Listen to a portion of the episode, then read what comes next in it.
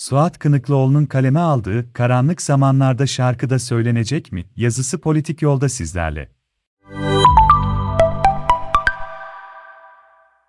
20. yüzyıl Alman şiirinin ve tiyatrosunun en önemli isimleri arasında kabul edilen Bertolt Brecht'in Svendborg şiirleri şu ünlü mısralar ile bilinir. Karanlık zamanlarda şarkıda söylenecek mi? Elbette şarkıda söylenecek. Karanlık zamanları anlatan. Bugünleri tarif etmek gerekirse, hem ülkemiz hem bölgemiz hem de insanlık için gerçekten karanlık zamanlardan geçiyoruz. Bu yüzden burada şarkı değil, ama bu yazı ile bizim karanlıklarımızı biraz anlatmaya çalışacağım. Bilindiği üzere 24 Şubat günü Rus lider Vladimir Putin medeni dünyanın tüm uyarılarına rağmen Ukrayna'ya vahşi bir işgal saldırısı başlattı. Birleşmiş Milletler'e üye, bağımsız ve egemen bir ülke, uluslararası hukukun en temel normları çiğnenerek dünyanın gözü önünde işgal edilmeye başlandı. Üstelik bu devlet yüz binlerce soydaşımıza yani Kırım Tatarlarına dostane bir yaklaşım sergiliyor ve ev sahipliği yapıyor. Ukrayna'nın Dışişleri Bakan Yardımcısı Kırım Tatarı bir kadındır. Ahlaken ve vicdanen nerede durulması gerektiği esasen çok tartışma gerektirecek bir konu olmaması gerekirken,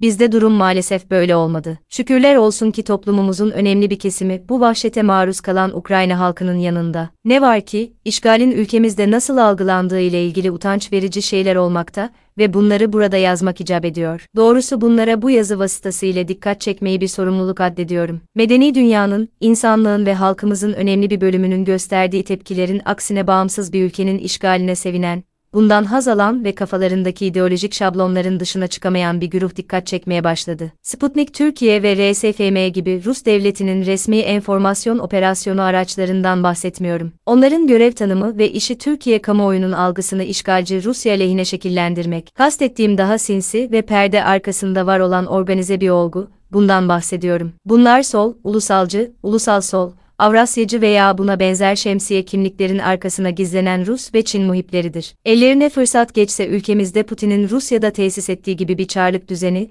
veya totaliter Çin modelini kurmayı düşleyen bir zevattan bahsediyorum. Kimisinin TV'si var, kimisi daha ana akım gözüken gazetelerde köşe yazarlığı yapıyor, kimileri Atatürk sömürüsü üzerinden cebini dolduruyor, kimileri emekli asker, kimileri farklı konumlarda ama proaktif bir şekilde kamuoyunu etkileme işindeler. Bu zevatın bir kısmı iktidarın gayri resmi ortağı iken diğerleri şu anki iktidara karşıtlık üzerinden meşruiyet devşirmekte. Bu neredeyse bir endüstri. Komplo teorileri yazan uçuk kaçık tipler gibi oldukça verimli bazıları için de maddi olarak oldukça mükafatlandırıcı bir endüstri oluşmuş durumda. Bu zevatın halleriyle daha yakından alakadar olmadan önce bahse konu enformasyon operasyonuna bir miktar eğilmek lazım. Yukarıda belirttiğim gibi yabancı devletlerin Türkiye kamuoyunu şekillendirmekte görevli bir enformasyon operasyonu ile karşı karşıyayız. Bu enformasyon operasyonu KH Türkiye'ye savaş uçağı pazarlıyor, KH Uygur soykırımının yalan olduğunu söylüyor, KHS 400'lerin birer bağımsızlık timsali olduğuna bizi inandırmak istiyor. Yani genel olarak dış ve güvenlik gelişmelerini onların gözüyle görmemizi istiyorlar. Buna benzer operasyonlara maruz kalan bazı ülkeler Ukrayna'daki gelişmeler üzerine Russia Today, RT, ve Sputnik gibi Rus devletinin resmi propaganda araçlarını ülkelerinde yasaklarken Sputnik bizde olduğu kadar başka hiçbir ülkede bu kadar etkin değil. Peki bizim devlet bunu bilmez mi? Örneğin Sputnik'in veya Çin Ulusal Radyosu'nun Türkiye'deki yayın politikalarını Ankara bilmiyor olabilir mi? Tabii ki bilir. Devletimiz bunları yakından takip eder, kimileriyle zaten oldukça yakın ilişkileri vardır ama bu dönem bunlara dokunulmamasının temel nedeni iktidarında aynı sebeplerle batıdan haz etmemesidir. Bir anlamda Necip Fazıl'la Atilla İlhan ortak bir noktada buluşmuştur. İktidar, bu otoriter devletlerin medya aygıtlarını tolere etmektedir. Yarın iktidarın batı ile ilişkileri normalleşirse bizim devlet bunlara yol verir. İkinci Dünya Savaşı sırasında Almanya'nın savaşı kaybedeceği anlaşılınca Nihal Atsız, ve arkadaşlarının başlarına gelenleri unutmamak lazım. Hiçbir devlet başka bir ülkenin resmi ve gayri resmi unsurlarının kendi ulusal güvenliğini etkileyen en temel konularda bu kadar etkin olmasına müsaade etmez, etmemeli. İsterseniz Rusya'da TRT Rusya diye bir haber kanalı açın, 1 milyon takipçisi olan bir sosyal medya ve radyo ile enformasyon operasyonu yapmaya kalkın bakın neler oluyor. Tez zamanda bu işleri yapanlar evlerinin balkonlarından kazayen aşağı düşüverirler. Fakat asıl işaret etmek istediğim mesele bu değil. Asıl üzerinde durulması gereken mesele yukarıda tarif edilen insanları ve oluşumları bir araya getiren şey nedir? Batı nefreti. Bu güruh genel olarak medeni dünyanın kabul ettiği evrensel değerlerden haz etmiyor. İçlerinde zehirli bir siyaset müptelalığı var. Çoğulcu demokrasi, hukuk devleti ve insan hakları gibi evrensel değerleri ağızlarında geveliyorlar ama esasında bunu sadece muhalefetteyken istiyorlar. Açık bir toplumu kendilerine tehdit olarak görüyorlar. Devlete ve güce tapıyorlar ve tıpkı İslamcılar gibi o devletin kendi kontrollerinde olmasını istiyorlar. Söylemlerine baktığınız zaman sık sık NATO'dan, emperyalizmden ve başka yapılanmalardan bahsediyorlar ama asıl korktukları o değildir. Asıl korktukları batıda olduğu gibi devletin değil insanın esas olduğu bir toplumsal düzen. Ne var ki, bütün tutarsızlıklarına rağmen batı halen altın standardı temsil ediyor. O yüzden Avrasyacılık pazarlayan zevat dahi çocuklarını batıda okutuyor,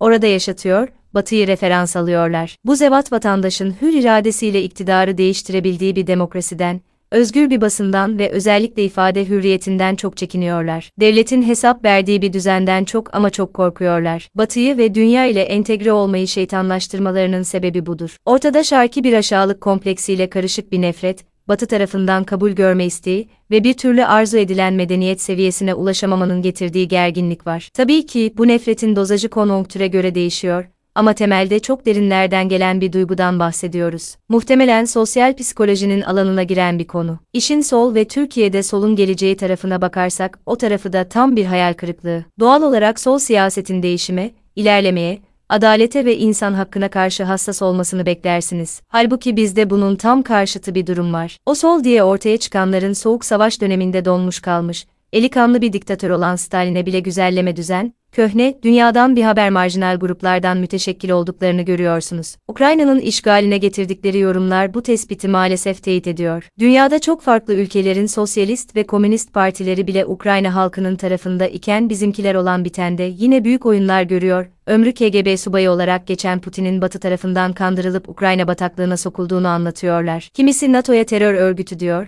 diğeri Rusya'nın mağdur olduğu büyük jeopolitik komplolar anlatıyor. Üzülüyorsunuz, çünkü Türkiye'nin gerçekten de çağdaş ve demokratik bir sola ihtiyacı var. Bir Twitter kullanıcısının belirttiği gibi Rusya Türkiye'yi işgal etmeye kalksa, Rus askerini çiçeklerle karşılamaya hazır bir arkaik sol var ortada. Dönelim Ukrayna'ya. Ukrayna halkı birkaç günde bütün dünyaya onurlu bir ulus olduklarını, yurtsever olduklarını ve kanlarının son damlasına kadar vatanlarını savunacaklarını gösterdiler. Türkiye'de bazılarının komedyen diye aşağıladıkları Zelenski liderlik kumaşı olan bir adam olduğunu dünya ileme gösterdi. Dün Amerika Birleşik Devletleri Başkanı Biden'ın tahliye teklifine, benim silaha ihtiyacım var tahliye edilme tekliflerine değil diyerek tarihe geçmiştir. Zelenski'nin liderliği ve Ukrayna ordusunun kahramanca mücadelesi sonunda Avrupalıları harekete geçirmiş beklenen sert yaptırım kararları alınmıştır. Türkiye'de zamanında Bayraktar SİHA SİHA'larını dost Ukrayna'ya satarak doğru bir iş yapmıştır. Umulur ki Türkiye Ukrayna'ya desteğini devam ettirir ve bölgede tekrar kaba kuvvetle tehdit olmaya başlayan Putin Rusyasına karşı tedbir alır. Ukrayna'nın düşmesi Rus kontrolüne girmesi Türkiye için hem Karadeniz'de hem Kafkasya hem de Balkanlarda çok zor günler anlamına gelmektedir. Bu yüzden meselenin ahlaki, vicdani ve hukuki boyutu bir yana reel politik bir bakış açısıyla Ukrayna'nın Rus kontrolüne girmesi ulusal çıkarlarımıza tamamıyla aykırıdır. Ankara da bunun farkında olduğunu göstermektedir. Karanlık günlerin sona ermesi ve özgür Ukrayna'nın bu işgali bertaraf etmesi dileğiyle. Slava Ukrayni